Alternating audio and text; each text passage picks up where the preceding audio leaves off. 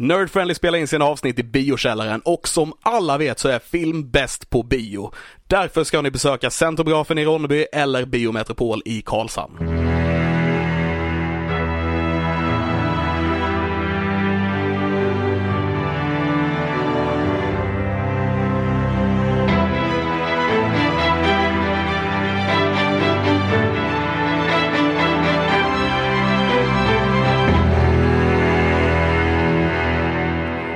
Hejsan allihopa och välkomna till Nerd Friendly Podcast! Ah! Nerd friendly! Podden där vi snackar film, spel, musik och allt annat eh, nördigt som finns mellan himmel och jord. Jag skulle inte gjort den rösten kände Mitt namn är Christian Fernlund Och mitt är Alexander Levin. och idag ska vi som vanligt snacka nördigheter och eh, jag kan ju också nämna det att eh, förra avsnittet då när vi eh, avslutade med att ni inte fick några nyheter från mig. Jag har åtgärdat detta så jag har kommit med lite nyheter. Du har löst det den här och, gången. Ja, och lite gammalheter också kanske. Oh, det är jag med. Ja, lite så. Mm. Jag tänkte att vi behöver ju få lite, när vi börjar, med musik, för musik har, inte, har ju inte varit en del utav nyhetsgrejen än, så jag tänkte jag, jag betar av hela april här nu. Mhm. Vi kör en, Eh. en rejäl eh, gammal nyheter. Och sen blir det kanske inte så djupgående, men jag, men jag nämner lite så brett och saker som är pop och saker som jag gillar, så det blir liksom en disconnect där någonstans. Ja, det, precis. det. Det kan vi säga, nyheterna i stort när vi gör dem är ju saker som, vi vi tar upp saker som har intresserat oss och Ja. som är lämpliga för podd. Så typ, ja men de har släppt en ny visual bild på hur eh, whatever ska se ut. Det, det skiter vi för det får ni fan kolla upp själva. liksom. Ja, eller, eh, ja nu blir det en sån sak, men eh, grafikkortsbristen eh, bristen kommer fortsätta hela 2021. Alltså, Ja, nej, nej. nej. Alltså, så, sånt tar vi inte. Utan Vi tar flashiga grejer! Precis, och sånt som intresserar oss. Och Ja. ibland, ibland så hoppar jag på och kör lite arkeologinyheter och ibland lite science och alltså vetenskap och grejer. Mm. Men mestadels så är det film från min sida. For science! Yes. Det är för någonting. Jag vet inte, skitsamma. Vad ska vi snacka om idag Levin? Eh, idag kommer vi att prata om eh, filmen vi har sett den här Mm. veckan. Vi har sett den på olika håll dock. Det har vi. Eh, vi kommer att prata om vad vi har nördat sen sist. Mm. Eh, vi kommer att prata om MCU-hörnan, Back Back Paket. Back, back, backe. Och eh, ny, nördnyheter då som vi har redan har diskuterat att vi ska prata om idag. Just det, just det.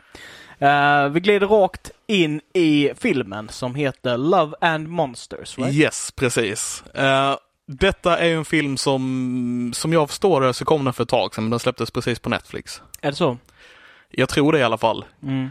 Jag tror inte den har varit tillgänglig för oss eh, i Sverige förrän nu, om Nej. jag inte har helt fel. Eh, en intressant sak med denna filmen, fi- filmen som helhet, det är ju typ en, ja men, en äventyrsfilm i en eh, postapokalyptisk setting. Mm. Världen har gått under och man lever liksom i, i bunkrar runt om Ja. i Amerika är ju berättelsen typ. Ja, precis, precis. Ja, Nej, jag hörde någonting annat där ett tag. Det var, jag ska inte. Ehm, okej. Ehm, men ja, precis. Det är vad filmen handlar om. Jag har tagit del av eh, lite bilder och lite nyheter eh, om den här filmen i ett par år nu faktiskt. Oj. Eh, bara för att jag följer Michael Rooker på Facebook eh, som är med i filmen. Mhm. Så han har Mm. typ lagt ut så här någon dag från inspelningen någon gång ibland sådär. Så Mm. jag, jag har haft, jag har hört talas om den ett tag men jag har liksom inte eh, lagt någon energi på den förrän nu. Det var en liten, eh, vad ska man säga, en liten överraskning för mig. Mhm. När jag såg filmen bara, ja men där är han och sen bara, vad fan känner jag honom för? Bara, det är Yondu. Jajamän. Eh, så det var lite roligt. Samma sak eh, huvudkaraktären som eh, jag bara, fan jag känner igen han jättemycket. Vet du vad? Det tog jättelång tid innan jag kom på varför jag Varför kände igen känner jag honom. igen honom? Han ser ut, vad är det med han? Vad är... Sen bara, Maze Runner, Jajamän. right, right. Och yeah. det, det, tog, det tog pinsamt lång tid för mig att komma på att det var från Maze Runner. Mm. Jag satt där bara, fan vad han ser bekant Jag känner igen han så jävla mycket. Och det var inte förrän typ de var uppe i världen någonstans med Michael Rooker som det bara slog mig. Bara, ah, Maze Runner! Ja, ja, ja. Eh, Så filmen då i den här settingen handlar ju då helt enkelt om vår eh, huvudkaraktär. Jag minns inte vad han heter. Varför glömmer jag alltid bort vad huvudkaraktären heter? Eh, eh, jag kommer inte heller ihåg vad hon heter så det kanske... Nej, okej, skitsamma. Vår huvudkaraktär eh, ska ge sig ut i världen. Eller rättare sagt, han ska hitta sin eh, teenage sweetheart. Precis. Eh, som, som han har blivit separerad från i de här sju åren de har befunnit sig Jag, jag tänker vi, kan, vi, vi körde lite backstory, vi kan Ja, köra ja. lite mer så här. Eh, de, eh, storyn är basically att de kom på att en, en komet, en es, asteroid, så heter det inte. Asteroid. Asteroid heter det. Eh, var på väg eh, till, till, mot jorden Mm. och skulle för, f- förinta all, allt liv här helt enkelt. Så att det, hur de löste det här problemet var att bomba skiten. Eh, det som de inte räknade med när de bombade alltihopa var eh, bieffekterna av detta. Alltså allt eh, kemiskt avfall från bomberna Mm. som landade på jorden igen och muterade insekter och ödlor och sniglar och alla sorters djur helt enkelt. Ja, mindre djur som jag förstod det. Mm. Till att bli eh, gigantiska monster. Yes. Världen försökte nu liksom eh, bekämpa de här monstren på olika sätt, men det gick inte så bra så att de som eh, överlevde detta var tvungna att fly ner i bunkrar under marken då, som du sa innan. Ja, eh, och det stod ju där någonstans att 98, eller 95 eller 98 procent av världens befolkning liksom blev förintad utav under den här processen. Och även de största insekterna eller monstren och eh, armén tog ut varandra basically. Så Ja, de gick ja. liksom plus minus noll. Yeah. Så det är liksom, eh, finns ingen etablerad militär eller organiserad eh, regering eller något sånt kvar längre. Nej, precis. Och där får vi också då lära känna vår huvudkaraktär som vi inte kommer ihåg namnet på. Ja. Eh, som, där vi, vi får en scen liksom precis innan de måste fly ner i bunkrarna basically. Där Mm. Han eh, är med sin, ja med sin, vad sa du, high school sweetheart. Ja, jag sa teenage sweetheart. Men yeah, whatever. De, de, det är väl lite så, de har väl gått i samma klass i eh, snart ett år i alla fall. Men eh, Ja. hon heter Amy. Det minns jag. Och, det gjorde inte jag, men okej. Yes. För att hon hade ett väldigt speciellt namn. För det var Amy med två E. Right, just det. Det minns jag nu när du säger det. Mm. Eh, ja, precis. Och sen har de varit tvungna att fly ner i bunkrarna och, och det har gått sju år eh, innan, innan eh, den här vår huvudkaraktär eh, hittade att Amy fortfarande levde i en annan bunker. Eh, Och- ett visst antal mil därifrån. Och han har ju blivit duktigt trött på att vara det elfte hjulet eller vad man ska säga. Alla andra har par i liksom I den, här bunkern. Eh, Men han är ensam och han, han saknar liksom kärleken och han är ensam singel och eh, dessutom så här jag, jag gillar hans karaktär för han är så här, inte den perfekta huvudkaraktären utan han är lite klumpig och du vet, Mm, mm. löser inte allt, alltså är inte Och han fryser liksom eh, vid farliga situationer. Vi, Mhm. vi får också det etablerat att han, han verkligen freezes up. Han kan inte röra sig liksom och, och det, det är någonting som återkommer senare. Yes, Eh, yes. Så någonting som jag inte nämnt förrän nu, men jag nämner nu spoilervarning. Vi Right. kommer spoila saker och vi har förmodligen spoilat lite redan. Ja, men vi har kommit Eh. typ 10 minuter in i filmen så. Ja, Ja. eh, så det, det är fine, men ni ska veta vid det här laget, eh, vi, kommer spoila saker. Yes. Eh, så vad som hände är att efter en, ja, en breach där det kommer in insekter i deras hem så beslutar han sig för att fuck it, livet är för kort typ. Jag har snackat med Amy. Jag ska ta mig de här, eh, vad var det, 14 milen. Eller någonting. Det skulle ta en vecka att gå ungefär. Ja, han ska, han, en, en restid på minimum en vecka. Och han skulle bege sig ut i, ödemar- eller ut i ja, ödemarken. Och alla säger att han... han, han Gör inte dö. det, du kommer dö. Eh, Du, du klarar inte av när hemska saker händer liksom. Du klarar inte detta. Men han beger sig iväg i alla fall. Och det är liksom filmen var... Stora, den stora delen av filmen är ju hans resa. Ja, precis. Och jag gillar det, att den är ganska, det är en ganska enkel film så. så att Mm, liksom, det är mm. bara, han ska ta sig från punkt A till punkt B och sen så eh, lever de lyckliga alla sina dagar. Mm. Ish. Eh, men eh, det är liksom, det är en ganska enkel story på det viset. Ja. Och det var rätt skönt att få bara någonting enkelt och inte någonting eh, stort och convoluted liksom. Ändå gillade jag effekterna i den här filmen. Alltså, jag gillade specialeffekterna på, jag gillade hur monstren såg ut, typ designmässigt. Så jag gillar dem också. Man, liksom, man såg direkt vad det var för någonting som hade muterats, men Mm. det såg ändå liksom tillräckligt annorlunda ut för att inte bara var en stor padda typ. Ja. Eh, Den paddan där tänker jag från ett dd monster som också har typ något så här, typ tre ögon uppe på huvudet sådär. Och så weird looking. Ja, yeah. nej men jag, jag vet inte. Jag har inte så jättemycket mer att säga. Jag tyckte, alltså eller jo, ja, det är klart jag har så- mer saker att säga. Vi har kunnat prata om våra egna åsikter, vad vi känner så här.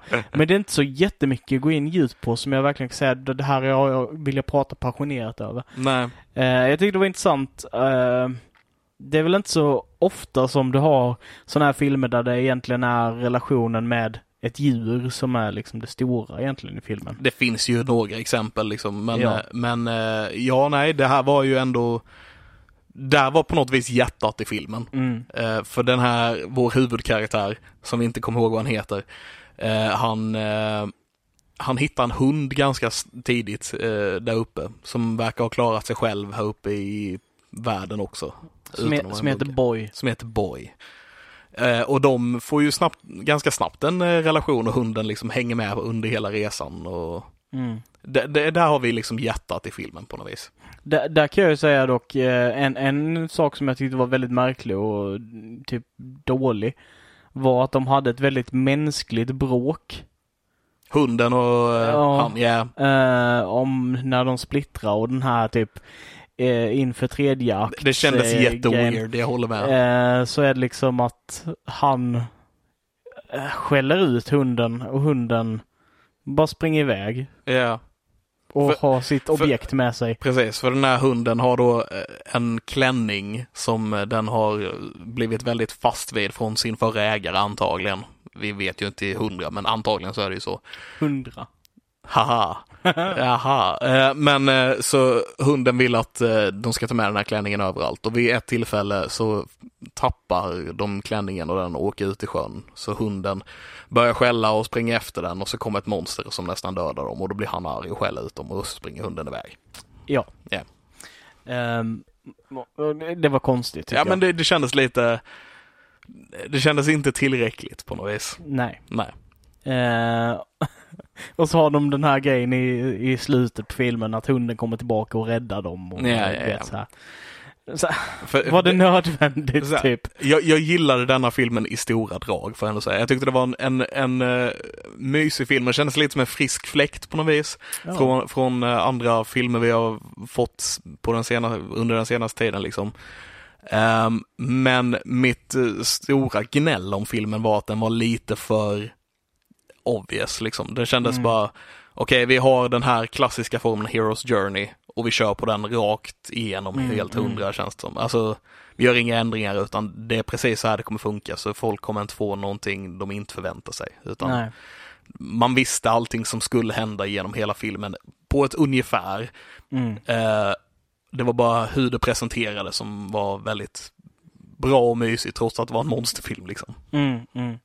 Nej men jag, håller med. Alltså den har lite den här känslan av, alltså, ska man säga, eh, den är nytänkande på samma sätt som Warm Bodies var. Ja, Alltså typ eh, för det, Warm Bodies gillar jag också jättemycket. jag gillar den. Alltså så här konceptet runt den och så här väldigt Också väldigt mysig film fastän det handlar om Evil zombies, Zombies. liksom. En kind of stuff. Så det är liksom så här typ lite den, att man försöker bara ha en slice of life film i settingen utav postapokalyptisk horror. Ja, typ. ja, för det här, var, det här är ju en love story, eller en, en alltså det han- det handlar ju om hans resa hela i och för sig. Mm. Men han gör det på grund av kärlek och monstren är bara ett hinder på vägen, kind Mm. of a thing. Och, och många gånger knappt det. Alltså, för mm, jag fick ju känslan och bilden av att han var i konstant livsfara, men han fattade inte det. Ja, ja. Alltså och det var ju liksom, och det var ju det som var lite konstigt. Alltså så här, han gick på vid sidan utav vattnet och såg man något gigantiskt röra sig under vattenytan eller ja, ja precis. Men det hände stad ingenting. så bara ser vi typ spindlar och grejer som bara kryper runt liksom vid sidan utav väggarna och han inte kan se och han bara liksom. Ja, ja, precis. Och han märker ingenting eller ser inte det. Och, och det händer ju ingenting heller, typ. Eh, en grej som också jag tyckte var lite weird. Vi fick inte vår antagonist förrän de, alltså det blev, var fanns ingen antagonist i filmen förrän de sista 20 minuterna typ. Nej. Om ens det, sista kvarten. Nej. Och ändå funkar den på något vis. Vi, Ja. hade, vi hade liksom ingen bad guy utan det var bara, vi har en snubbe som ska ta sig igenom, eh, igenom eh, en jobbig värld fullt med monster för att komma till sin kärlek. Och sen så har vi en liten bad guy på slutet. Mm. Ja, lite så. Men det, det är ju typ, eh, ja det är ju resan som är berättelsen. Ja, Det är egentligen inte slutmålet. Vi, vi får ju träffa nya karaktärer på resans väg också. Mm. En, en robot Ge- till exempel. ja visst. Eh, jag tänkte bara säga, jag gillade Michael Rookers Mm. och även hon, eh, jag vet inte vad hon den yngre skådespelaren heter, men jag gillade de två karaktärerna väldigt Mm, mycket. mm. Jag hade kunnat tänka mig typ en hel spin-off med bara de två. Eh, och jag fick känslan dock av att det här var en film som var baserad på en bok. Kanske, jag har Men ingen det, aning. det är den inte. Den är inte det, du har Nej. kollat upp det? Jag har kollat upp det. Okej. Men jag fick känslan av att den var baserad på en bok. Typ, det var, den gav den känslan på något sätt. Mm. Typ att det finns någonting mer, eh, någonting som hade kunnat förklara saker och ting mer eller sådär. Ja. Typ den känslan. Men det är ett original, en original script. verkar som det. Nej, men det är lite Vad jag ballt. hitta. Ja, men För det får vi inte heller så mycket längre. Nej. Eh, nej men så, jag, jag tycker ju liksom att den här filmen var väldigt charmig. Mm. Den var mysig. Eh, och den, ja, den förvånar inte liksom så. Eh, förutom i då till exempel fighting-koreografin som jag tyckte var jävligt bra. Mm. Eh, eller mycket, mycket bättre än vad jag väntade mig från sån här film. Mm. Eh, jag tyckte också det var väldigt kul att eh, han hanterade monstret och eh, Amy hanterade människorna. Right. Liksom så här. Det var liksom hon och de verkade ju ha någon som faktiskt kunde fighta som, som gjorde stuntsen liksom när hon, när hon slogs liksom. För det såg bra ut. Eh, tyckte jag. Ja, nej, jag tyckte Eh. med det så bra ut. Det var liksom, allting såg väldigt bra ut. Mm. Eh, ja, effekterna med som du sa och hela den här CGI och allt detta. Mm. Eh, gillade koreografin. Jag gillade världen, hur, de, hur den kändes liksom uppbyggd med och sen hur, hur vi fick de här gamla typ bussarna som stod och var överväxta och du vet, Mm, mm. hela den här biten. Kore, koreografin var inte ordet jag letade efter, scenografin menar jag. Mm. Ehm, det, och det sålde liksom filmen lite för mig. Och även om jag brukar vara så här att det måste vara ett bra manus för en bra film så det, manuset var inte perfekt. Liksom det, det hade kunnat jobba vidare på men eh, jag gillar filmen. Mm. Eh, ja, vad finns det mer att säga? Jag, vet inte riktigt. Eh, den var smårolig, den var mysig, den var härlig. Jag Ja. kan rekommendera att se den. Så popcorn. Så popcorn, eh, jag ger den en sexa. Jag, jag, jag tänker faktiskt ge den, gå lite högre, jag tänker ge den en sjua. Mm. Jag var, blev ändå positivt överraskad får jag säga. Ja. Om inte annat eh, så höjer jag den lite grann på grund av Michael Rooker. Mm. Fair enough. eh, men eh, så där har ni vår eh, lilla recension eller vår lilla, vårt lilla soffsnack gällande Love and Monsters. Ja, jag tycker ni ska se den eh, om ni gillar den typen av filmer. Den var, den var värd att se. Eh, så då beger vi oss vidare på resan till vad har vi nördat sen sist? Vad har vi nördat sen sist? Levin. Vad har, Har du du nördat, nördat sen sist Christian? Nej, jag sa, jag sa ditt namn först. Jag vet. Ehm, ja, vad har jag nördat sen sist? Ehm, jag satt och försökte tänka. Eh, jag, ehm, mitt groove som jag pratade om förra veckan Mm, med det här med eh, lite med ja, Ice Cube och hela NWA och Just det. jag, jag fortsatte lite i det groovet och kollade vidare på lite dokumentärer och saker om den tiden och lite så här. Mm. Så jag kollade på en dokumentär om Dr. Dre och Jimmy Iovine Mhm, mm. som är musikproducenter då. Eh, så där man fick liksom följa deras, deras historia parallellt kan man väl säga i den här dokumentären. Ehm, och eh, ja, Dr. Dre är ju han som gjorde musiken och han var ju en del av NWA och eh, de gjorde Straight Outta Compton och allt detta. Mm. Jag, jag vet inte ifall, eh, det kan ju du berätta för mig nu, men jag vet inte ifall han rappar så mycket. Han är väl mer känd som producent, alltså han gör beatsen och Ja. de här bitarna. Mestadels. Han, han har gjort några skivor själv och sådär också. Eh, där han rappar och så vidare. Men eh, han, är, han gör mest musiken och gör liksom the sound stuff. Ja. Som inte är röst, I guess. Mm. Mm. Eh, och det är han som har gjort typ Snoop, Snoop Doggs grejer, Eminems grejer och liksom eh, han, han har gjort väldigt mycket som har blivit stort kan man väl säga. Mm. Mm. Eh, och eh, samtidigt då får vi följa Jimmy Iovine som är en annan stor producent. Eh, det är han som, han började producera, han blev introducerad till den här världen av, ehm, åh fuck nu tappar jag namnet på han, Beatles. Oj. Han med runda glasögonen. What the fuck, hur kan jag inte minnas vad han heter? John Lennon. John Lennon. Eh, så det var typ ett, ett skivbolag. Jag tror han jobbade med att typ sopa där från början eller någonting.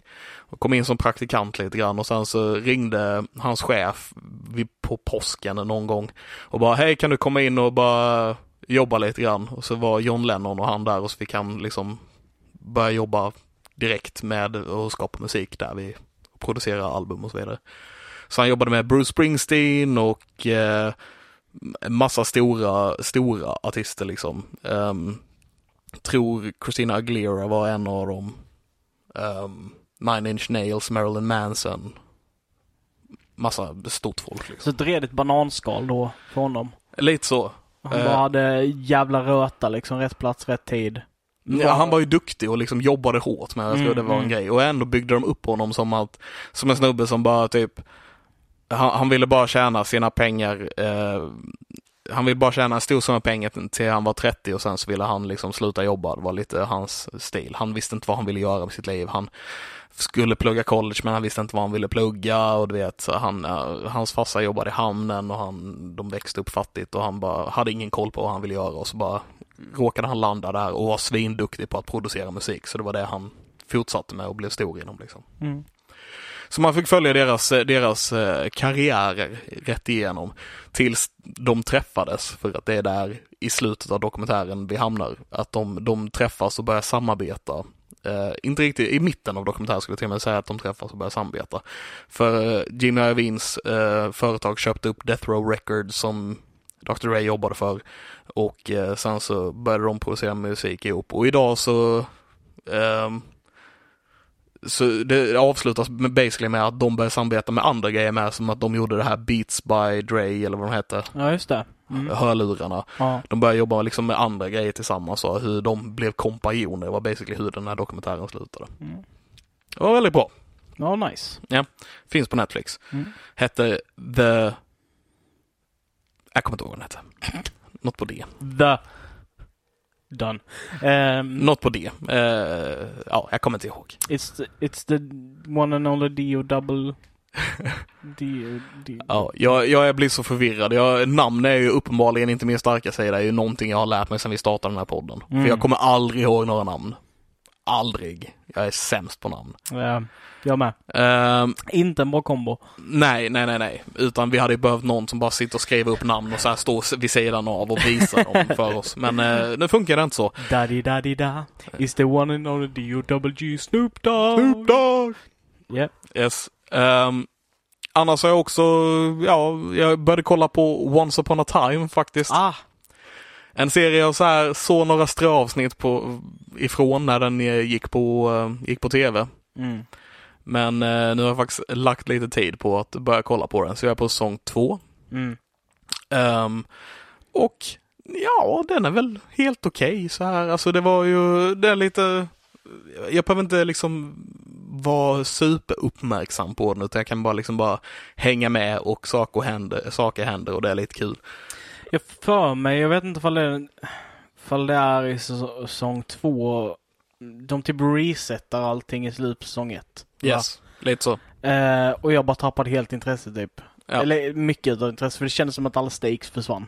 Eh, Mm, ja, För att de bara, okej reset button och sen så bara, Alltså, på, de, gör det på sätt och vis. Alltså de, de ändrar eh, reglerna för spelet kan man väl säga Mm, mm. i säsongsavslutningen på första, första säsongen. Och jag, jag kan ju säga det också, jag minns inte vad det var. Jag bara minns att jag hade typ den känslan utav det typ. Mm. Det, det handlar ju basically om hur, eh, hur The Evil Queen har lagt en curse på alla... Snövit. Nej, hon har lagt en curse på alla eh, så här Mm. story, story char- storybook characters, typ som Snövit eller Yeah. Rödluvan eller The Mad Hatter eller whatever. Rumpelstiltskin. Rumpelstiltskin, alla de här klassiska sagofigurerna. Hon har lagt en curse på dem som har gjort att de har tappat sina minnen och färdats till en by en by, en stad eh, i USA där de nu bor och eh, verkar som normala människor. Mm. Och till exempel Pinocchio är en, en, eh, en riktig pojke nu.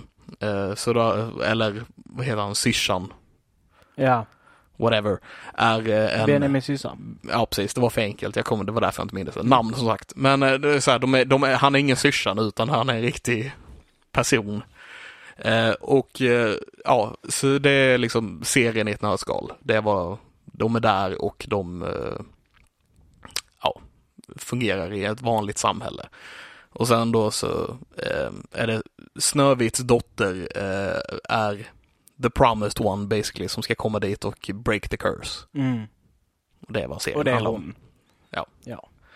Eh, och den, om jag inte minns helt fel så börjar den med att eh, det är hennes eh, biologiska son som bor i den staden, right? Och hon Ja. blir typ ditlurad eller hon blir ditkallad. Eller så, Precis, något så Snövits biologiska son eh, typ åker ifrån den här byn till Boston för att hämta henne så att hon kan break the curse för att, för att eh, det är eh, The Evil Queen som har eh, adopterat hennes biologiska son efter eh, Snövits dotter adopterade bort henne. Just det.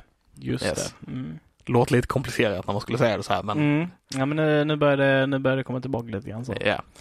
Mm. Och när hon får reda på att det är hennes riktiga son så vill hon att han ska ha det bra och grejer för hon har vuxit under de här tio åren sedan hon adopterade bort honom och Mm. ja, hela den här biten. Och den onda styvmodern är väl typ borgmästare eller något sånt. Yes, yes, precis. Ja, ja. Jag, jag gillar konceptet. ja, ja, nej men alltså det är en rätt kul serie och så här, om man inte tar den för seriöst, för det ska man fan inte göra. Och alla green screen grejer, oh my god, det är så dåligt. Jag kan göra det bättre i fucking Premiere än vad de gjorde, Mm. liksom. Eh, så det så här, man får förlåta väldigt mycket när man kollar på den, men samtidigt så är det en serie som, så här, det känns liksom inte superviktigt att hänga med överallt och man behöver inte vara superuppmärksam och det är, det känns ganska lugn och skön även om det är lite kul ibland och man kan liksom, även om det kan vara lite exciting ibland liksom. Sen så är väl han som kör Rumpelstiltskin jävligt duktig skådis, right? Jätteduktig. Robert Eh. Carlyle om jag heter han om jag inte är helt fel. Mm. Han var med i 28 veckor senare, right? Eller 28 Eh, dagar. det var han va? Och jag, för jag tänker på honom från eh, Trainspotting och eh, Mm. Stargate Universe var han också med i. Mhm. Och ja, faktiskt, han, han spelar den rollen fantastiskt bra måste jag säga. Finns tillfällen när jag tycker han spelar över lite för mycket och jag bara hade velat gå in och bara du, eh, vi sänker detta lite grann. Men nu är det inte jag som har regisserat den här serien så jag kan inte göra det. Eh, nej men det kan vara värt att checka ut om man gillar, om man gillar sådana grejer. Ja. Eh, där det, ja. Jag minns inte mycket av dem men Nej, jag har kommit till säsong två som sagt, så jag, men eh, det är lite kul. Eh, det blir lite Monster of the Week-it ibland, även om det har en övergripande story också som den följer. Mm. Som alltid är en del av den, så blir det ändå liksom element som eh, blandas in som känns lite Monster of the Week, ja. Jag har säkert gjort, eh, nördat fler grejer än så här också, men jag kommer inte på dem just nu, så vad har du nördat sen sist, Christian? Eh, ja, jag har fortsatt med Horizon Zero Dawn har jag gjort. Eh, kört vidare där. Eh, jag har också plockat upp min, mina, mitt ritande lite grann mer igen. Skoj! Eh, ja, så det är jävligt roligt. Suttit med det. Eh, följer en, har, har börjat följa en, eh, en konstnär på, på Youtube som jag tycker är jävligt duktig. Han heter Mark Brunett eh, och han eh, blev... Nämnde jag det förra veckan? Det låter bekant, jag vet inte. Jag vet inte om du har sagt till mig utanför eller om du sa det i avsnittet förra veckan. Det låter bekant. Eh, skitsamma, jag har i alla fall fortsatt kolla på honom i sådana fall. Eh, Mark, Mark Burnett då, som var den yngsta. Eh, när han blev anställd på Blizzard Entertainment så var han den yngsta concept artist, eh, grafikern där liksom. Eh, eller inte grafiker utan concept art, artist, konstnären. Ja, ja, ja. Eh, och eh, han har eh, en hel Youtube-kanal med eh, anatomi och eh, konceptdesignsövningar och liknande så man kan bli bättre och han har jävligt bra råd. Och eh, jag följer honom ganska så eh, vad heter det, religiöst just nu. Liksom bara försöker få absorbera informationen och lära mig och bli bättre och sådär. Gött. Så det är väldigt roligt. Eh, sen har jag börjat spela, spela lite gitarr igen, försöka komma igång mina kreativa processer, försöka motivera mig komma igång med Mm. de här bitarna. Har du testat solot från uh, Subst- eh, Substitious? Eh, nej, jag har inte det. Nej. Eh, jag vet jag har fått rekommendationen av, av Henke, men, men jag har faktiskt eh, spelat mycket för mig själv. Sen får jag övat på låtarna från bandet då, eh, The, The Autumn Transition, eh, så har jag också eh, gått in på mina, mina, några av mina gamla favoriter. Så det finns ett, en version utav Halo-introt eh, som kom till Halo 2-soundtracket. Som har eh, jävligt fett liksom gitarrlir i början utav låten och liksom så här. Jag gillar liksom elgitarren i den låten. Så jag börjat sätta mig med den biten bara liksom för att verkligen få, ja, the pleasure. Att, att bli liksom glad utav att ta upp gitarren och lira och sådär. Ja. Så det inte bara blir nöta utan också det blir lite soul i det också. ja, precis. Det är gött. Eh, ja, och det är en sak som jag faktiskt har tagit från det här Mark Brunett. Liksom, eh, ett tips som han hade var liksom att du ska inte sluta när du känner att du inte kommer någon vart. Du ska inte sluta efter en speciell tid och sett ut. Du ska inte sluta liksom när du är låg på energi eller känner att du inte är kreativ. Det är de sämsta ställen att sluta på. För då eh, går det ifrån verken med en dålig känsla. Vilket gör att du, du kommer inte vilja gå tillbaka till dem. Utan du ska träna dig själv till att gå ifrån det du håller på med när du är som gladast, när Mm. du är som mest taggad över det. Man ska sluta på topp helt enkelt. Precis, för då eh, när du går därifrån så kommer du sakna det och du kommer ha liksom den här glöden igång liksom och det kommer vara lättare att komma tillbaka till det och vara passionerad och fortsätta. Så jag har försökt anamma det lite grann. Det tror jag är en väldigt bra grej. Samtidigt så vet jag, om, om jag sätter mig in i dina skor här, så vet jag att jag hade inte klarat av att avsluta när jag är på topp. För att då vill inte jag göra någonting annat än att fortsätta med det. Nej, och det, är ju därför det man, om man, om man vill testa det och se ifall det funkar för en, det är ju säkert så att det fungerar, inte för alla säkert. Men, men eh, jag försöker ju tvinga mig själv. Mm. Det är mer, eh, för min del känner jag nog mer att jag eh, skriver tills jag inte kan skriva mer. Eh, om, vi, om jag nu tar det som exempel. Liksom. Eh, men att det jag skriver om försöker jag ha som någonting jag inte vill sluta skriva om, om du förstår vad jag menar. Mhm, mm. Typ som vår, vår värld vi håller på att skriva på. Mm, mm. Det är en sån här sak. Jag vill fortsätta med den konstant, men jag vet inte hur jag ska fortsätta, så därför tar jag en paus tills jag vet hur jag ska fortsätta. Ja, men då, då känns det ju fortfarande som att du är glad över verket liksom. Det är inte som att du liksom bara "Ugh, jag pallar inte med just nu. Nej, det är nej. just den, de bitarna du ska försöka undvika att sluta på. Utan det, det är bättre då att pusha dig igenom det här bara, åh jag är så okreativ, åh det suger liksom, bara för att få någon glädje. Eller typ sluta med att göra det du håller på med just nu bara för att rita någonting som du blir glad av eller någonting som du vet hur man gör, bara gör fyrkant eller whatever, I, I don't know. Mm. Men liksom bara för att bli lite positiv igen. Eh, och det här var eh, helt eh, oscientific eh, art eh, tips med Chris.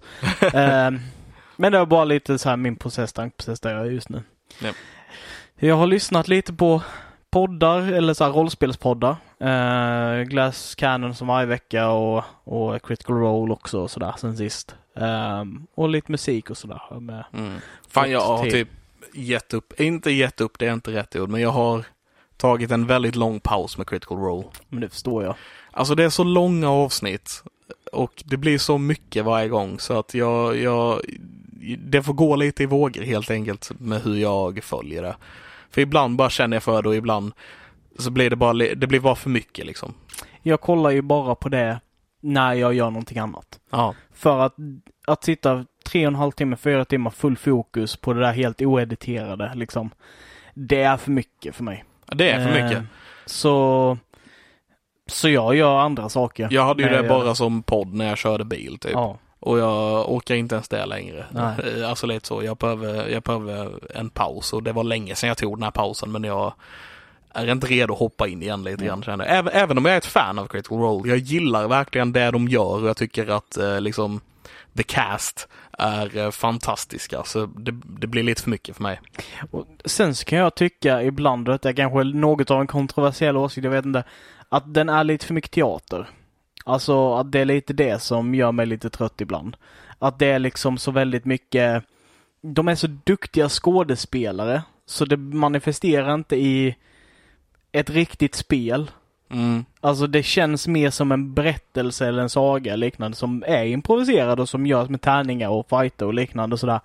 Men det känns inte som riktigt spel, så när jag vill ha den här riktiga spelupplevelsen då letar jag efter andra poddar där det inte är professionella skådespelare som spelar för att även om de försöker göra röster och liknande, det kan vara ganska schysst, så har de fortfarande det underliggande vi är här för att spela och vara polare i första hand liksom.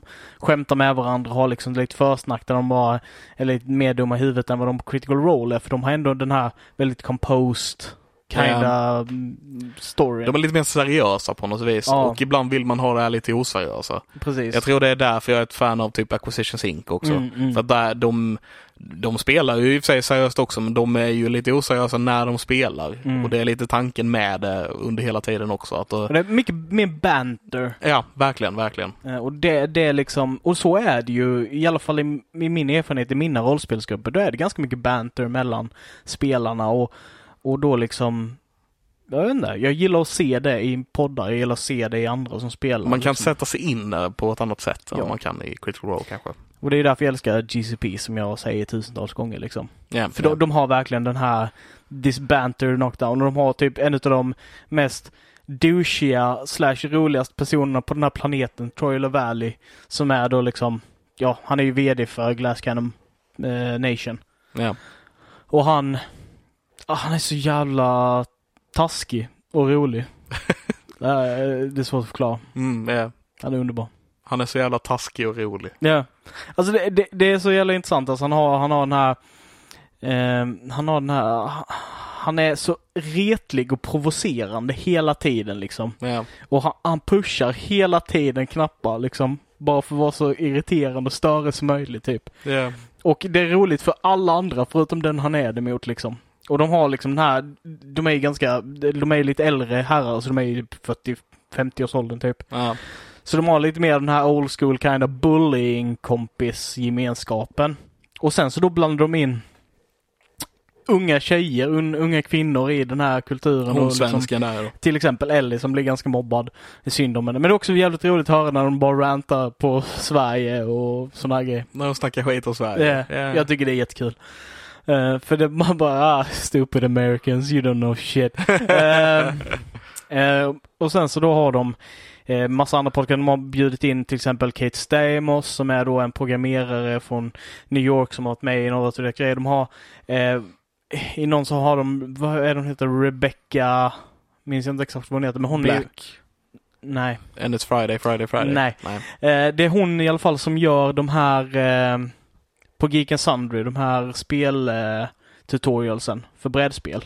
Oh yeah, hon är blonda. Ja, eller rosa hår har hon nu tror jag. Ja, den rosa kanske hon, och jag tror hon har varit rödhårig vid något tillfälle också. Men, Ja. ja. Eh, ja precis, ja hon. Hon är med och rollspelar vid något tillfälle och liksom så här. De har bjudit in mycket och de har fått in mycket mer kvinnor och tjejer.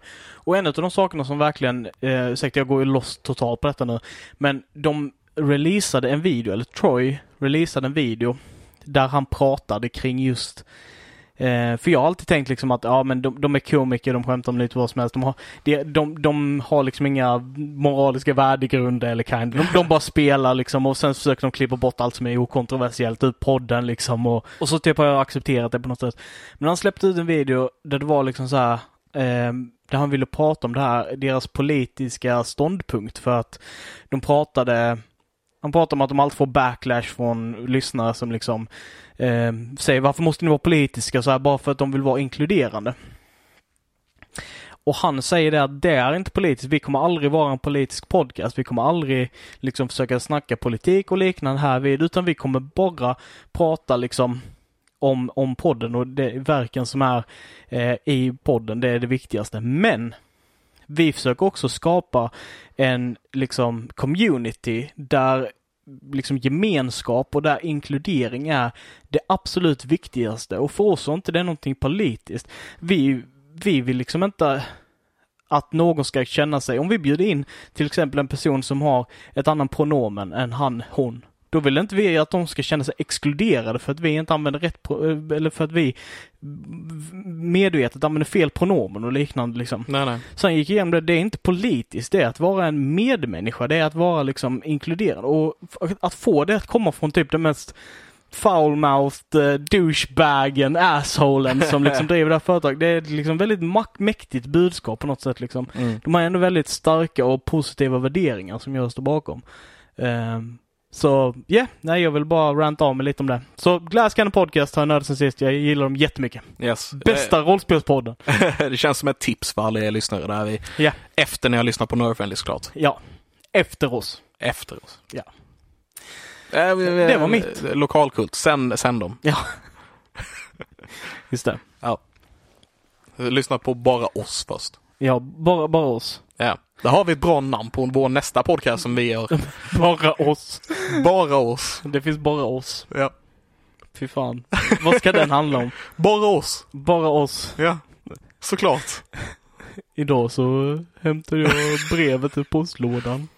Eh, jag tänker den som en så här lite, lite en tyngre podcast där vi går in En på tyngre. djupa ämnen om hur vår barndom var. Jag vägde mig idag, jag väger tyngre. Hi, Get it? I get it, I get it. Måste vi gå upp i vikt till varje avsnitt.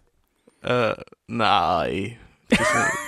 Sitta här varje avsnitt och bara käka två stycken tubs med Ben Jerrys glass innan vi spelar in.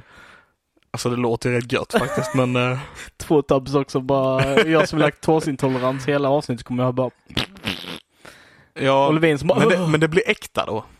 blir real. Det blir bara oss. Bara liksom. oss. Ja. Bara oss och laktos. Ja. Eh, ska vi glida vidare från vad vi nördade sen sist? Yes, så eh, vi går vidare till MCU-hörnan. Back, back, back här. Precis. Eh, v- Winter Soldier and the Falcon. Fast Yes. tvärtom. Winter-hörnan and the Falcon-hörnan. And the Falcon Witch. And the Falcon Witch. Ja. yes, precis. Eh, så i denna veckas avsnitt fick vi se det aftermath efter att uh, Captain America eh, Alltså, jag, gått loss. så här, jag har sett några andra som har liksom problem med vad de ska kalla den nya Captain America. Och jag har sett folk som kallar han eh, Johnny Walker för att han heter John Walker och det är efter whiskyn. Mm, Jag har sett eh, att de helt enkelt bara säger Fake Captain America. mm. Eh, och eh, ja, massa andra grejer. Men vi har fan det bästa namnet på Ja. honom. Captain America. Captain America. Fake Captain America, Captain America. Ja. Yes.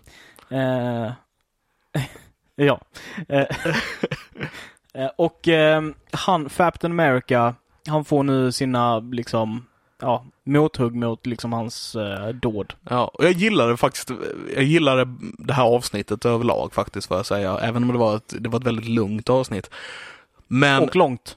långt, det var det längsta hittills. Mm. Eh, Men just att det startade med att man såg att han, att han faktiskt ångrade sig. Att det här var liksom, det här var inte vad han ville typ. Man såg the regret när han satte sig där ner med skölden först. Sen så vände det ganska snabbt, men eh, just att vi fick en stund när han bara, han springer ifrån det här, man såg att han liksom bara, vad fan gjorde jag för någonting? Det här var, nu, I fucked up, kind of a thing. Och sen så dyker de upp då och nämner någonting om skölden. Han bara, haha, ni är dumma huvudet, ni försöker bara ta skölden från mig för jag är Captain America. Mm. Och hela den här biten. Men jag gillade det, att vi fick en liksom liten, en liten vulnerable moment med han där i början. Jag tror, tycker absolut det var ett vulner, vul- vulnerable moment, men jag vill ändå på något sätt utmana tanken att han liksom visste att han gjorde fel eller liknande, för det kändes som att det var mer kopplat till att han förlorade Lamar än vad det var kopplat till att han faktiskt kände regret över vad han gjorde. Tror du det? Jag tror nästan att det var det. Jag tror att det var, de ville att vi skulle tro att det var liksom regret och liknande. Men sen så går han direkt över till att säga liksom Lamar, liksom jag blir av med dig. Liksom, och det var det som var det centrala. Sen går han över till att vara den personen som står fast vid, i cement liksom, att han gjorde rätt. Att alla andra hade gjort som honom. Och att han liksom eh, blir behandlad orättvist för hans agerande. Sure, han, han går absolut vidare till det. Han, som sagt, han vände ganska snabbt där vid. Men jag, jag vände, jag kände ändå att han, jag kände a moment of doubt från honom liksom. Mm. Och eh, jag gillar det. Ja, det kanske cementerades utav att eh, Bucky och, och eh, Falcon kom och bara Nej, vi behöver skölden nu för att du får inte ha den längre. Så. du vanhedrar vår eh, bästa vän som är, var den bästa människan i världshistorien. Genom att vara en douchebag. Yeah. He was literally the best person in the world. Ja, lite så. yeah.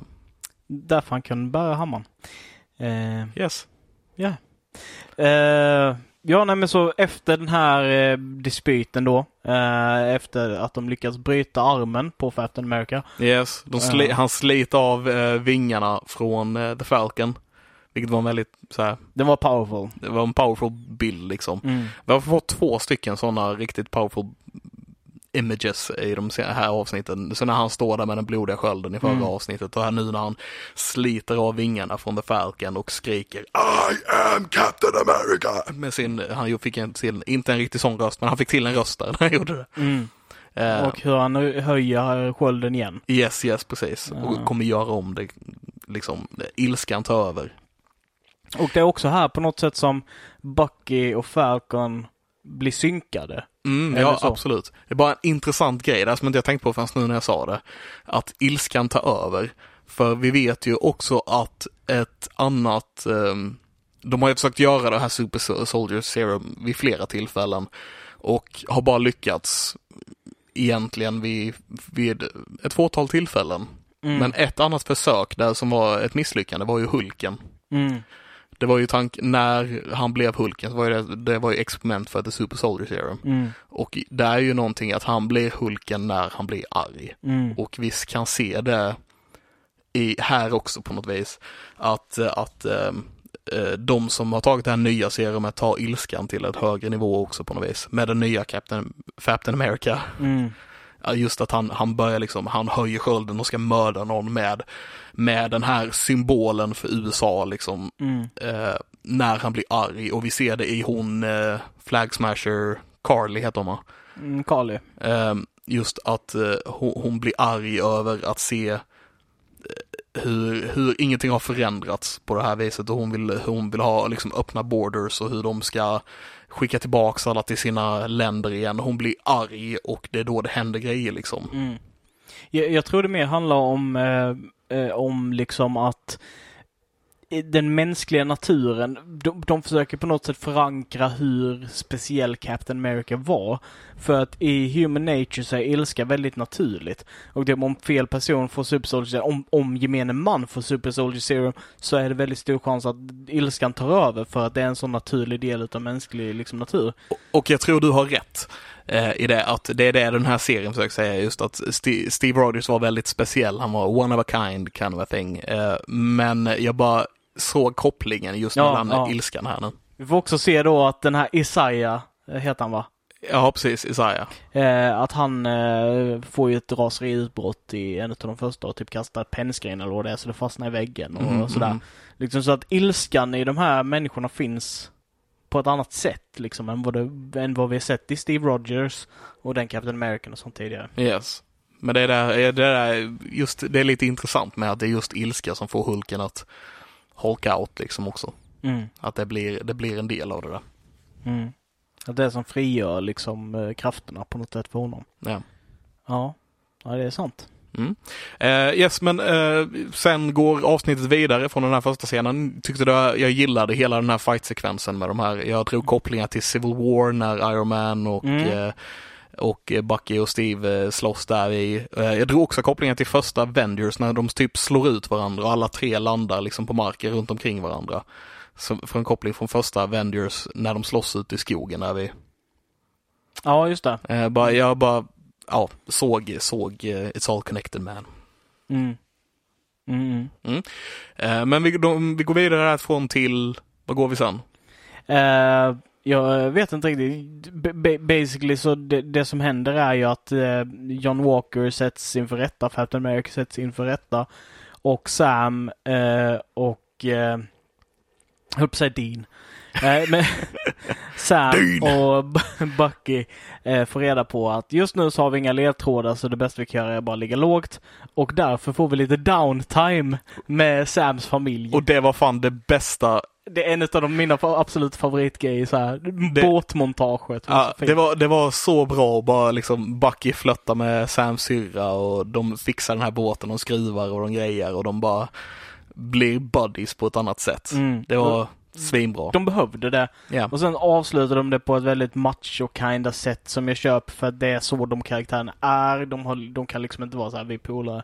Utan det är liksom Ja, bara, ja. "Ja, vi har en gemensam kompis och eh, vi är bara snubbar liksom. Yes. Men, Men underliggande meningen är liksom bara, vi är polare. Ja, men samtidigt så gjorde de det med hela den här att eh, Bucky, med den här liksom ganska öppna och ganska vulnerable grejen att Bucky har den här listan Ja, med ja. personer och att han, det handlar inte om att han ska be om förlåtelse för att själv må bättre utan det handlar om att få dem som han ska be om förlåtelse till att må bättre. Ja.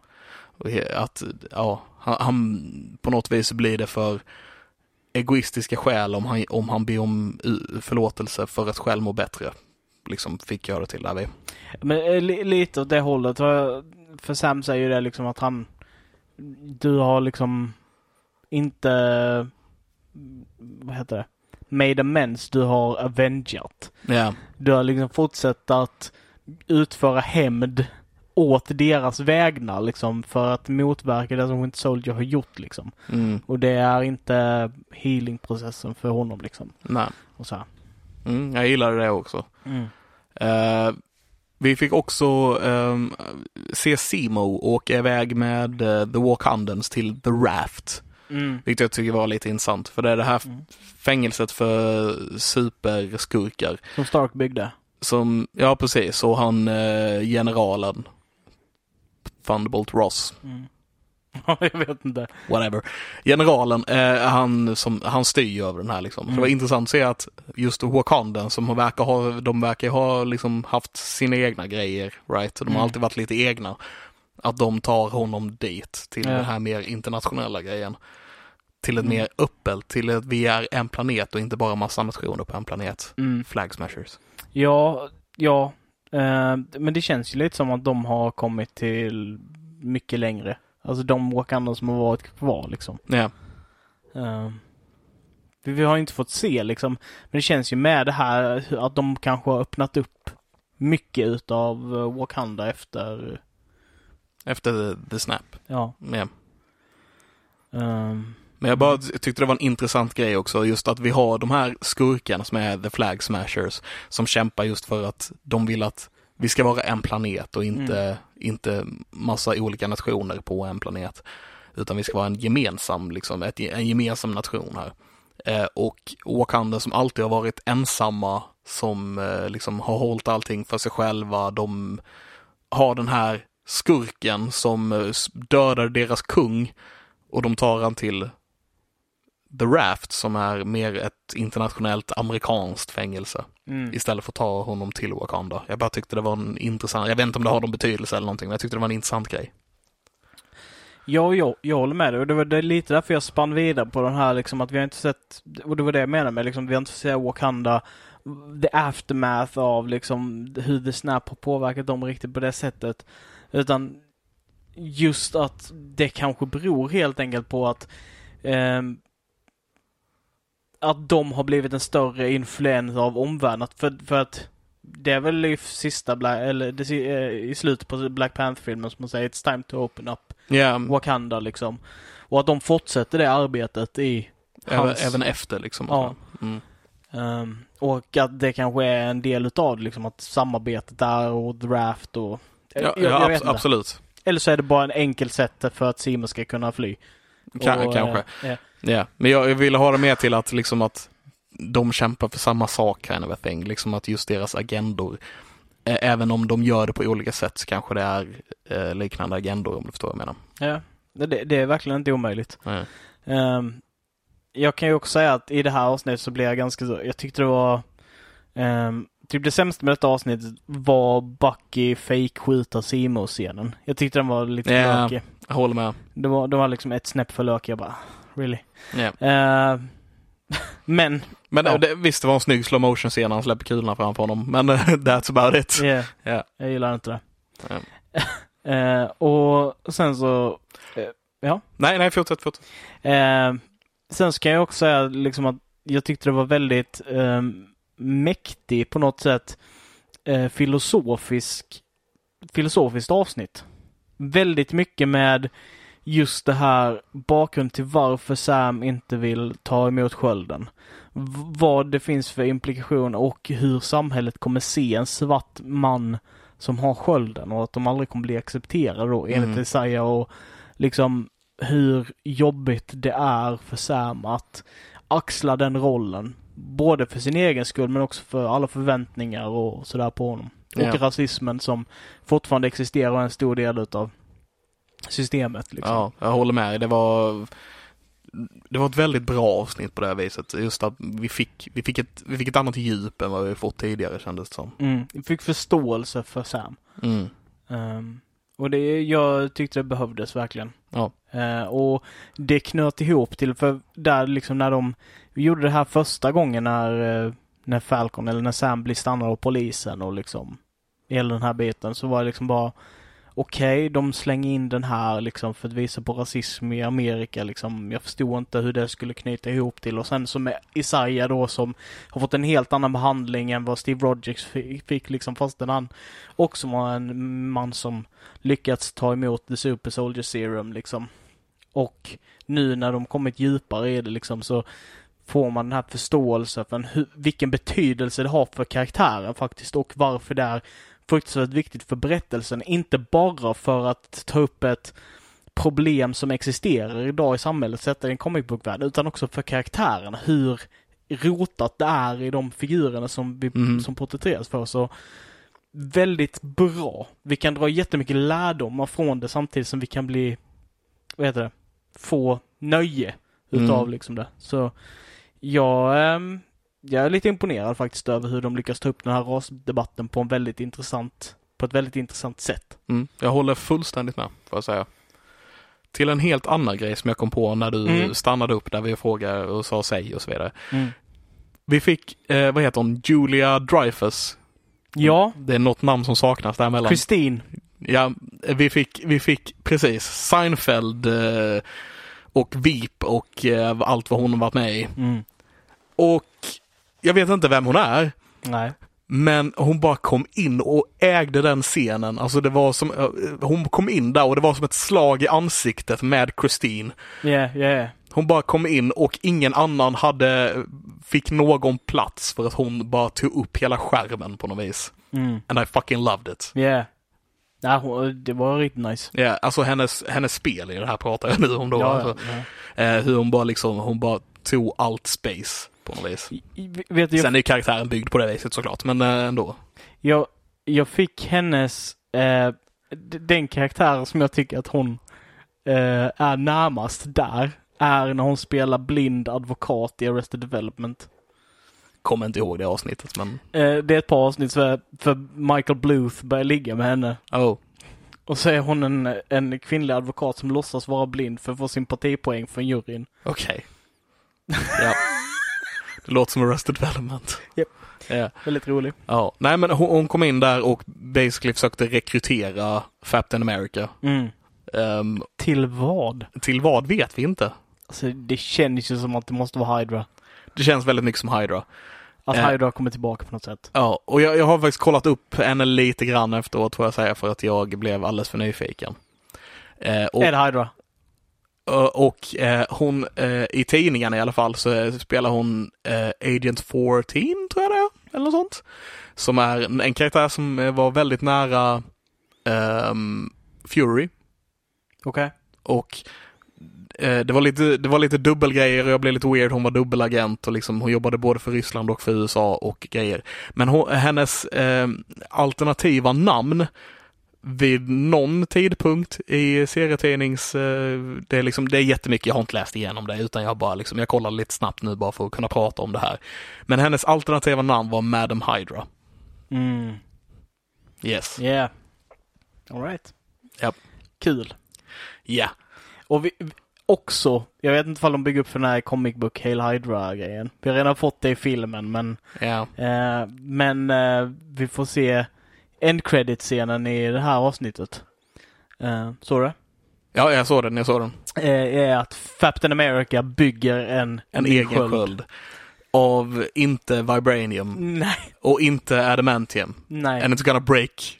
Ja, det är bara stålsköld. Ja, ja, ja. Det kommer han, inte hålla. Men han är så besatt utav den här idén att han är Captain America. Ja, precis. Och jag tror att serumet spelar in där, att han har blivit, att det, det är en del, en del han var ju besatt av det innan, men att det har förhöjts på grund av serumet också. Vi har ju snackat om det liksom en hel del liksom eh, av hans ego. Ja, Just har, vi har fått se hans manipulativa och hans ego liksom att han tror sig förtjäna folks respekt bara av att vara i deras närhet och att han kan hävda den bara genom att säga du ska respektera mig. mm. Och nu så är det liksom att han, han är över alla andra på något sätt. yes. Att han förtjänar detta och eh, det kommer bli kul att ha honom som, för jag gissar på att han kommer vara the main villain liksom. Det känns ju som det. Eh, det känns väldigt mycket som det. Det kommer bli superintressant att se vad, superintressant Mm. och se vad, liksom, vad de gör med den karaktären. Jag hoppas inte att de dödar honom. Nej. Jag hoppas att det är en sån här grej att han, han bara typ åker på, eh, att han slåss och lyckas nästan som en åker på stryk och blir ännu mer förbannad och kommer fortsätta i någon film eller någon annan serie vid något annat tillfälle liksom senare med. Mm. Att han kommer komma tillbaka på något vis. Jag vill inte att han ska dö än utan eh, som resten av världen verkar vilja att han ska men Mm.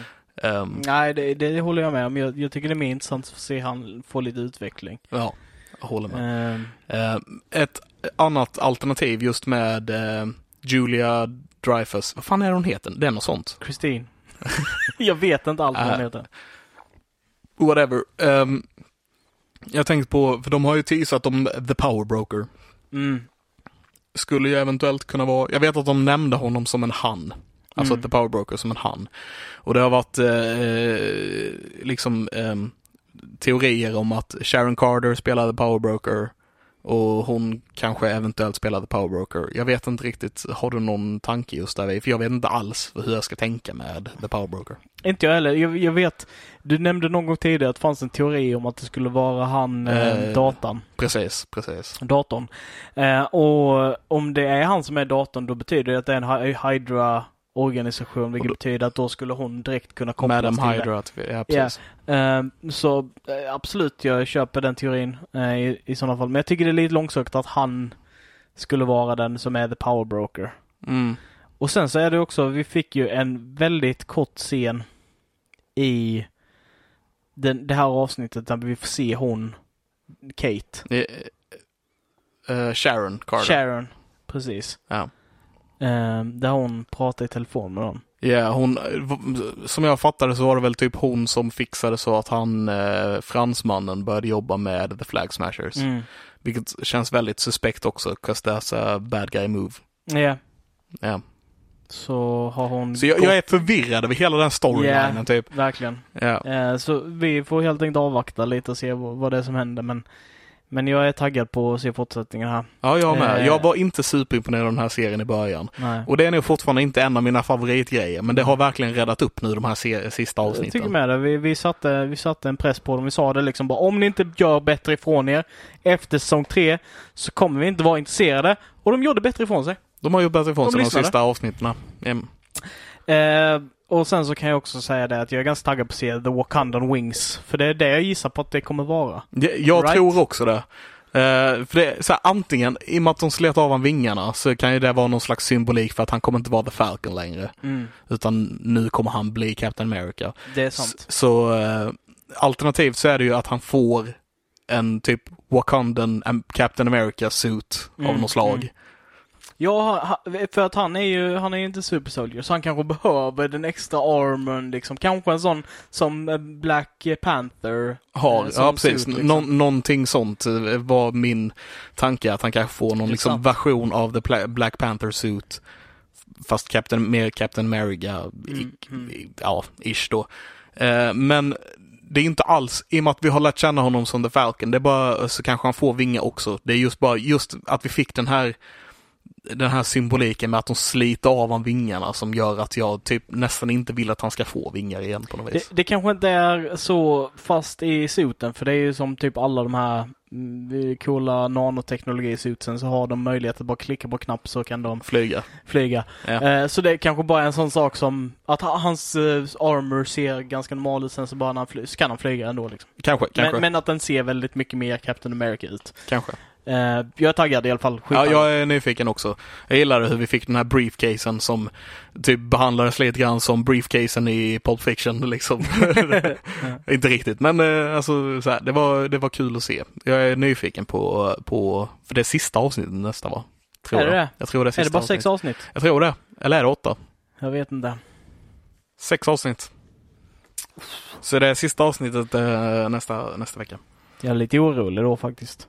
Ja. Hur ska de få ihop det? För det känns som det är väldigt mycket trådar att knyta ihop och Mm. bara göra det på ett avsnitt är lite tight. Men där, är det också lite så som när vi snackade om eh, eh, WandaVision.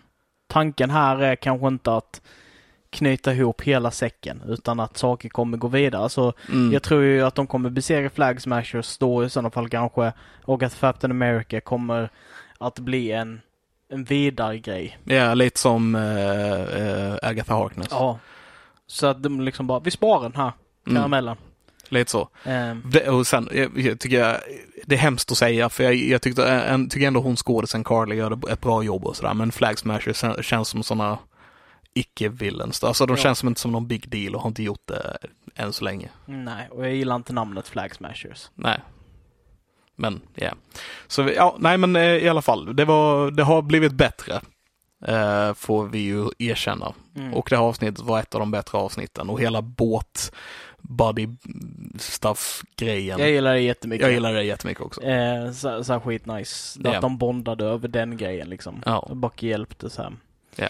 Eh, men det var allt vi hade från Buck Buck Buck va? Det var allting vi hade från eh, MCU-hörnan Backpack Paket. Så eh, Levin, take it away med nödnyheter.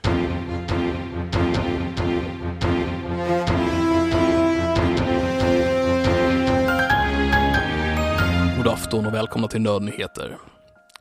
Ehm, den här gången så har jag lite, jag tänker åter, åter, ta upp lite gamla nyheter igen. Mhm. Jag vet att du sa att du hade lite gamla nyheter och sådana här saker. Mm. Och jag tyckte det var lite roligt med tanke på mina nyheter denna veckan också. Okej, okej. För det, är- det, är så här, det är saker vi har pratat om ti- tidigare, men som tas upp igen med lite ny info den här gången kan vi säga. Eh, Jag har också lite vetenskapsnyheter och lite andra sådana här saker också, men eh, jag, jag tänker börja med de här som tog upp lite gamla grejer igen. Och den första är att ehm, Alfred Molina eh, ska vara med i nya Spider-Man som Doc Ock. Det är någonting jag pratat om tidigare. Ja, precis. Men tydligen så har inte det varit officiellt innan. Utan det har bara varit ett rykte som vi tog upp. Eh, Men jag fattade det som att det var officiellt innan också. Men jag hade väl uppenbarligen fel. Eh, Du får ta och dubbelkolla dina källor. Det är inte första gången nu Levin. Nej, jag vet, jag vet. Men eh, nu är det i alla fall officiellt. Ja, för det är att, bra. För att han var med i en intervju med Hollywood Reporter Mm. där han pratade om hur, ehm, hur det var att komma tillbaka i rollen nu efter 17 år eller whatever. Mm. Och hur det var att spela rollen med den här nya regissören och alltihopa. Så han råkade ju, av, råkade göra det officiellt genom den här intervjun, så oops. Upsi upsi. Så det var inte meningen att det skulle... I, I don't know. Det är bara så här, det var mer eller mindre officiellt. Det var bara att Marvel inte hade liksom sagt att Ja. ja, det är så. Ja, ja. Medan alla andra bara, det är så. Men Mm. Marvel har inte kommit ut och bara, ja, okej. Mm. Så, L- Lite som det här med typ Deadpool och eh, PG. ja, ja, precis. Grejen så. Precis. Bara, det var mer eller mindre officiellt. Det var bara, Marvel hade inte sagt det rakt ut förrän då liksom. Lite samma sak. Ehm, jag har också uh, Sagan om ringen-serien som jag pratat om. Mm. Det har ju sagt tidigare att det kommer vara den dyraste serien som har gjorts någonsin hittills. Mm. Eh, och nu har vi fått en siffra för vad första säsongen kostade. Och eh, det var 465 miljoner dollar. För första säsongen av en tv-serie.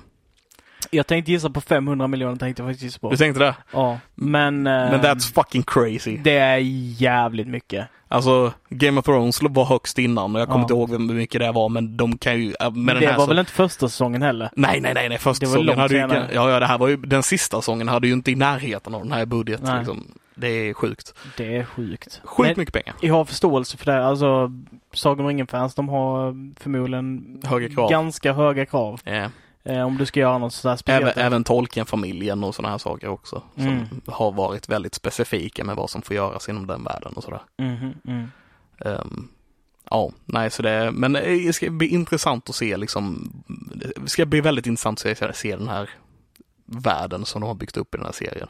Just i och med att det är så långt innan Sagan om ringen och så med. Så det är, det är fel att kalla den Sagan om ringen-serien för det är ju långt innan det här. Men Ja, nej det handlar ju inte om ringen då. Nej, vi kanske eventuellt får se ringen skapas i den här serien.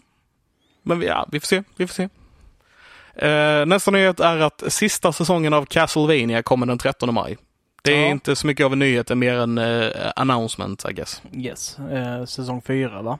Eh, ja, det är det va? Har du sett den? Ja, ja, Det är intressant för du gillar inte anime säger Nej. det gör jag inte. du. Men du gillar den? Jag tycker den är ganska bra. Ja. Cool. Ja. Den är väldigt amerikansk alltså i sitt utformande. Och det kanske är därför jag tycker bättre om den. I don't know. Möjligt. Men det, den är väldigt snygg. Ja, ja, absolut. Men, men jag, säger, jag, jag gillar, jag, och jag har en svaghet för vampyrer och grejer, så det kanske hjälper till där också. Ja, fair enough. Ehm, nästa nyhet är att, ehm, så det här var en nyhet som jag läste och kände bara att okej, så den här är en fake-nyhet. Det här är en första april-grej. Mm. Och sen så kollade jag datumet på, på när de gick ut med detta och det var typ 14 april eller något sånt där. Det visar sig att Disney har skapat en riktig lightsaber. Yeah, jag läste någonting om det också. Yes. Och med riktig så menar vi inte att det är liksom, det är laser som skjuter ut, en, ut rör, utan det är som i filmerna så kan det liksom fällas upp och fällas ner på samma vis. Så det, jag kan inte göra ljudeffekterna, men eh, Tack, det var bättre. Ja, bra, tack. Ehm, så, så de har byggt ett lightsaber som kan liksom fällas upp och fällas ner på samma sätt och det ser mer äkta ut I guess. Mm. Eh, vi, de har inte släppt några bilder på hur det ser ut eller någonting ännu heller, eller ingen video eller någonting på hur det funkar, utan det är bara en prototyp i nuläget, men det verkar funka. Eh, och det är eh, en motor som sitter i själva eh, The Saber liksom, Mm. som eh, trycker upp som, som ett måttband, stod det beskrivet som, som liksom fäller upp den här sabern med massa ljus och grejer då runt omkring. Så att det, det, är så vi får den effekten på hur det funkar. Okej. Yes. Eh, och det, ja, det kommer inte kunna eh, hugga händer av folk och sådana här saker som de gör i filmerna. Men det kommer användas i Disneyparkerna på olika sätt och sådär. Ja. De, Yes. har de har ju redan de här sakerna, jag vet i alla fall amerikanska Disney, eh, till build your own lightsaber shops och sådana Ja, saker. jag vill göra det jätte- jättemycket. Men det är ju också så här att då får man ju liksom skruva på själva the light så att säga. Och Mm. sådana saker. Så det är ju inte, det fungerar ju inte på detta sättet att man kan fälla upp och fälla ner det. Så Nej, psh, nej. jag kan inte göra ljudeffekter som sagt, men psh, ja, ja, sure. Det var bättre. Det lät mer som en sån- dörr. Ja, Star Trek då. Ni vet vad jag menar. Precis. Ehm, så ja, det var min... Det var inte min sista nyhet, jag bara skojade, utan här kommer min sista nyhet skulle jag säga. Och det, det här är lite mer vetenskapsnyheten och jag vill ta upp den och jag förstår den inte riktigt, men jag vill bara, jag ville bara ta upp den för att det låter weird och det är kopplat till en väldigt känd sci-fi serie, eh, filmserie. Mm. Eh, och det är att vetenskapsmän har nu liksom skapat den första människa, alltså de har korsat människo-apa-embryon för att skapa en slags gemensam människo-ap-embryo. Ehm, som vi inte vill att de ska döpa till Caesar. Mm. Ehm, Och jag hatar allting med, med den meningen. Och det här är ju, ja precis, för det här är ju på något vis att de eventuellt kan liksom bygga en egen slags kombination av en människa och en apa som är en varelse. And it's so fucked up and weird. Weird som fan. Eh, anledningen till, till att man har gjort det här, eh, säger de, är på grund av att vi vill lära oss mer om vår evolution och hur vi har, hur vi har skapats och blivit som vi är idag. Liksom. Men också för att kunna eventuellt snabba på, snabba på processen hos andra varelser. Vilket också bara, Varför då?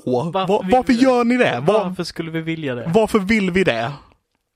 It sounds really bad. Really bad. Don't do this.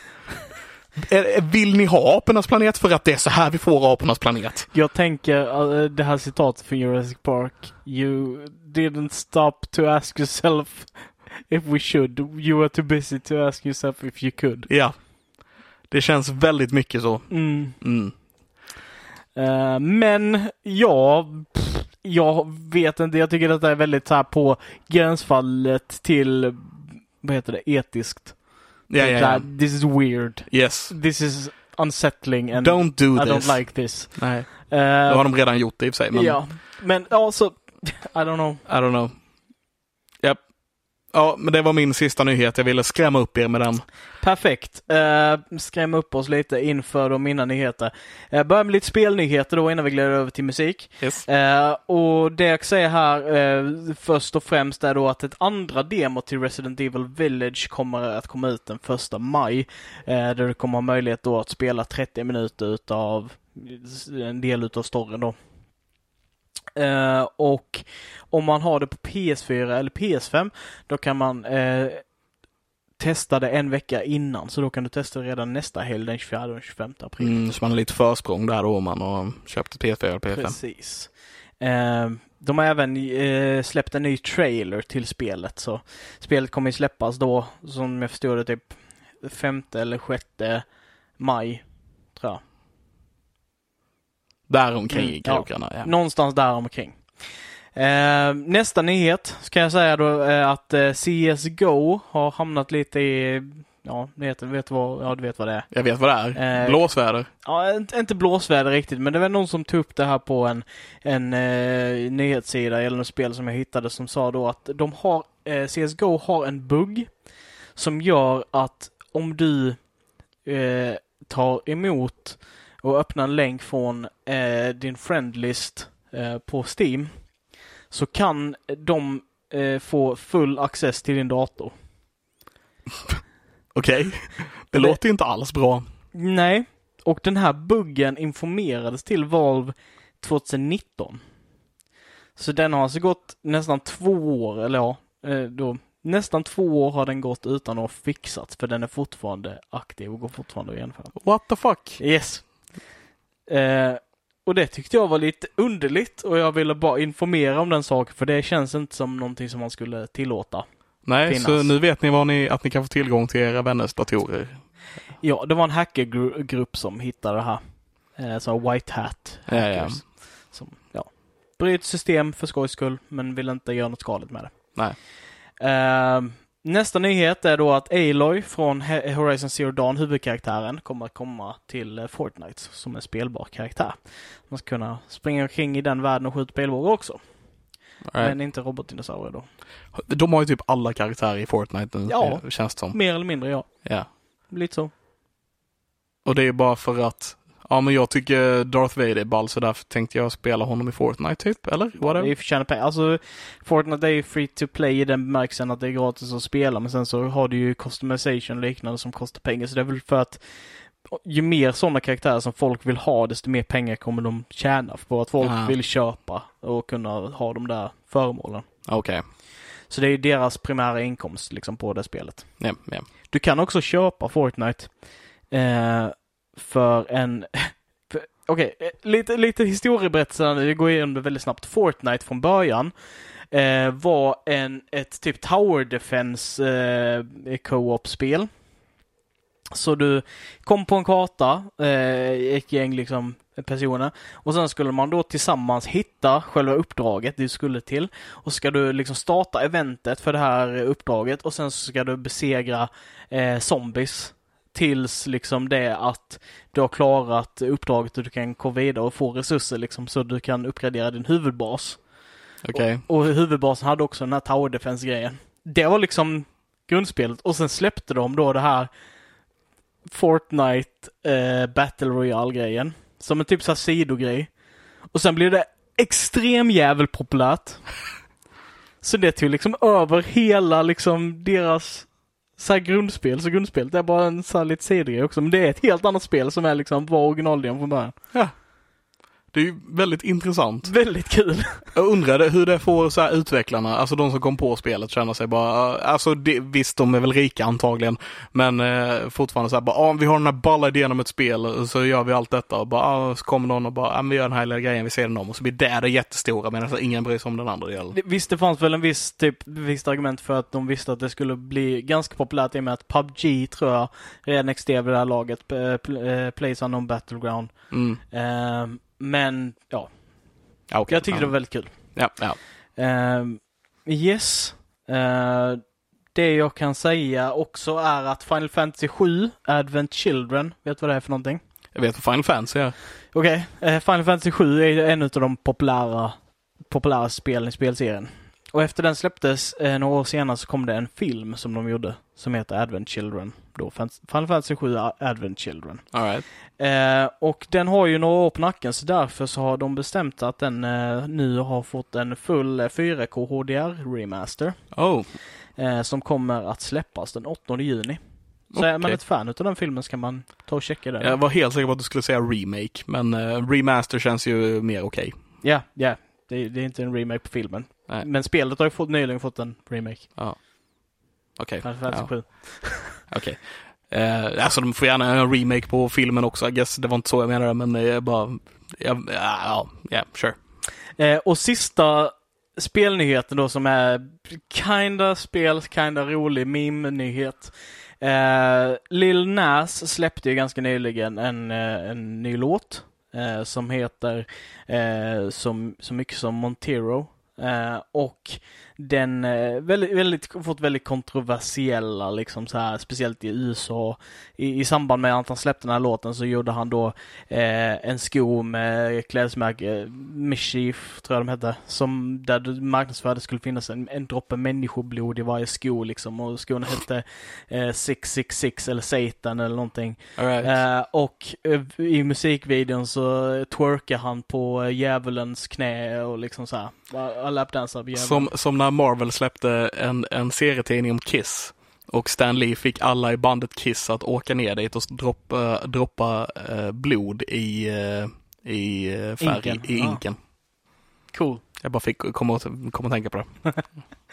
Ja men det, li, lite så i alla fall. Och det, det har varit jättekontroversiellt med det, med det religiösa i liksom USA specifikt just på grund av att ja, de, de tänker ju att ja, han, för att han är ju öppet homosexuell och liksom mycket utav videon är liksom budskapet med homosexualitet och liknande.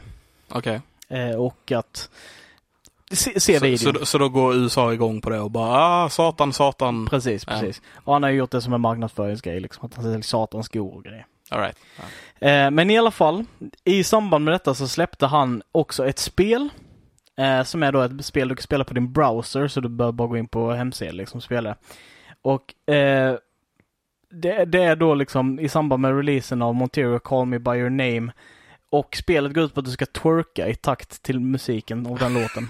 Okej. Så det, du har liksom ett browserspel så kommer det så här pilar och ska du twerka i den riktningen som pilarna kommer. Så det är ett. Guitar Hero fast med twerking. Okej. Sure. Ja. Twerk Hero. Ja. Ja. Ja. Så det var det. Eh, nu glider jag över lite till musik.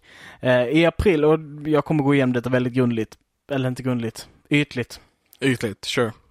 Eh, för det kom, har ju kommit väldigt mycket musik. Jag kommer ta det största och det som jag är mest intresserad av. Så releasade plattor som vi har fått i april hittills är Taylor Swifts Fearless. Mhm. Har inte hört någonting utav den. Ingen aning. Jag tror det var 2 april eller någonting den kom ut. Eh, vi har också fått Demi Lovato, Dancing with the Devil, The Art of Starting Over. Ingen aning. Också en jättestor. jag vet Eh, vem hon är. Jag vet vet Taylor. Swift är också, men Eh, Demi Lovato som blev känd utav eh, Rock Camp, eller Band Camp eller vad den hette. just det. Disney-film, musikal. Med The Jonas Brothers. Right. Ehm, sen så, ett till band som släpper skiva den här månaden, eller som har släppt, är The Offsprings. De ah, har släppt ett album som heter Let the Bad Times Roll, all right. som har jättedåliga reviews. Okej. Så jag Det var ju lite synd. se. Eh, Första bandet jag gillade där var typ, men, Ja. um, eh, vi har också fått en ny Cannibal Corpse-platta right. som heter Violence Unimagined. Eh, jag hörde en låt från den, det är ganska schysst. Okej. Eh, har fått helt okej user reviews. Ja. Mm. Eh, sen har jag fått en eh, platta till från Escape the Fate som heter Chemical Warfare. Som jag också har för mig hade ganska dåliga reviews och sådär. Okej. Eh, och det är, det är mycket fler plattor, men det är liksom de som jag som stack ut för mig och som jag vill nämna liksom här som har blivit releasade den här månaden. Ja. Eh, sen så kommer också en platta ganska snart som kanske många är väldigt motiverade av. För, för ett tag sedan dog ju Lemmy. Ja. Eh, och den här månaden, 23, så kommer eh, Motorhead att släppa en liveplatta. Eh, så man kan se ja, deras framträdande liksom. Eh, så det kan vara väldigt intressant för de som är intresserade av det. Ja, absolut. Jag tror jag kommer kolla upp den till och med. Eh, och det som jag är mest exalterad över, över alla de här sakerna är att den 30 april så kommer Gojira att släppa en ny platta som heter Fortitude.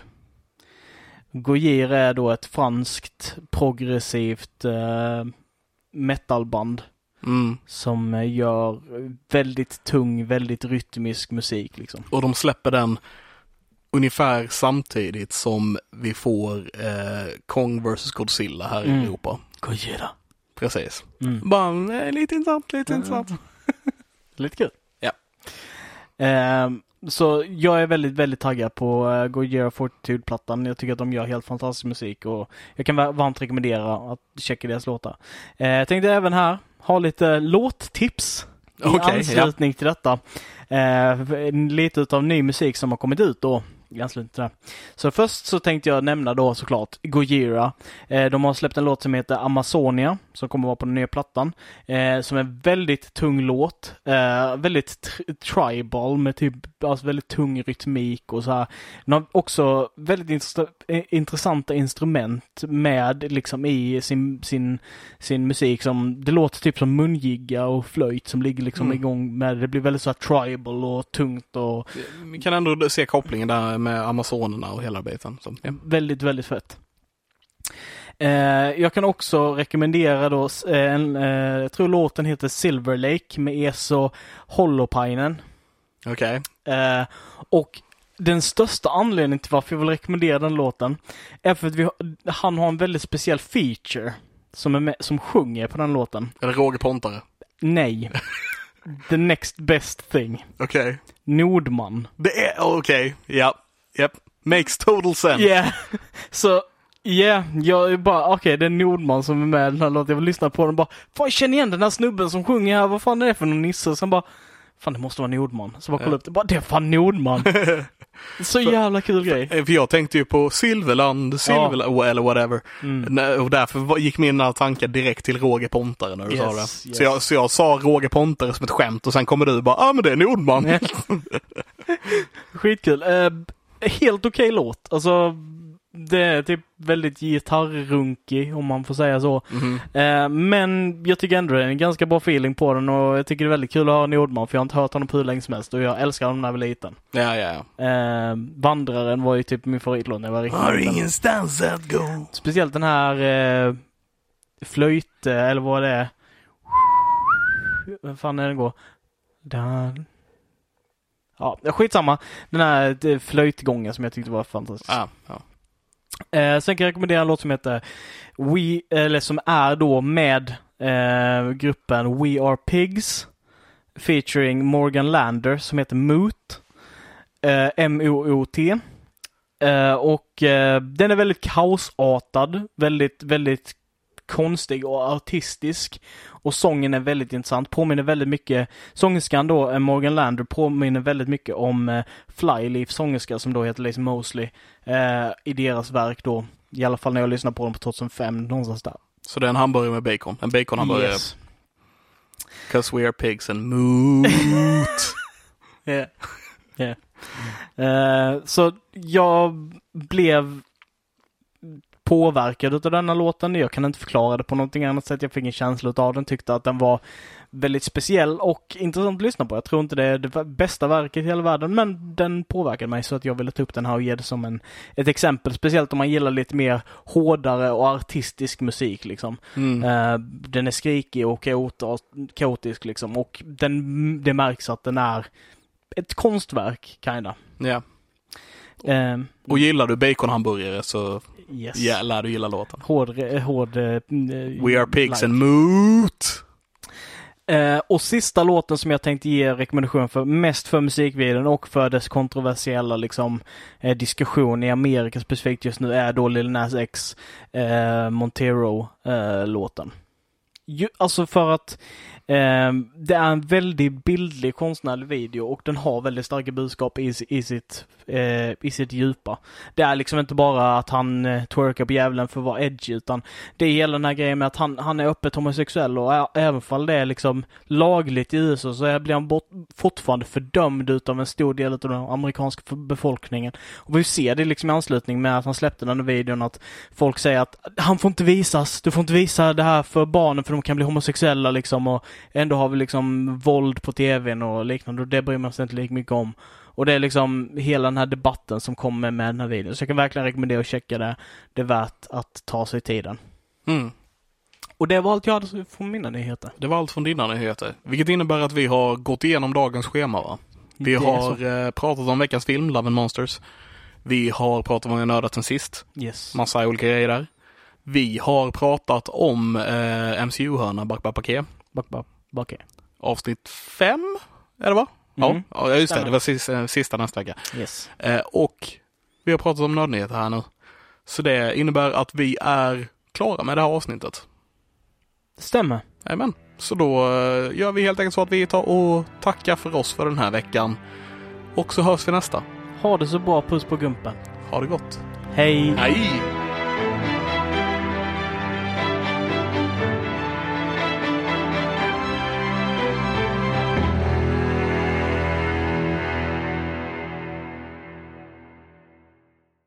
Hejsan allihopa och välkomna till... Har du förresten pausat och startat och sett så att det funkar? Ja.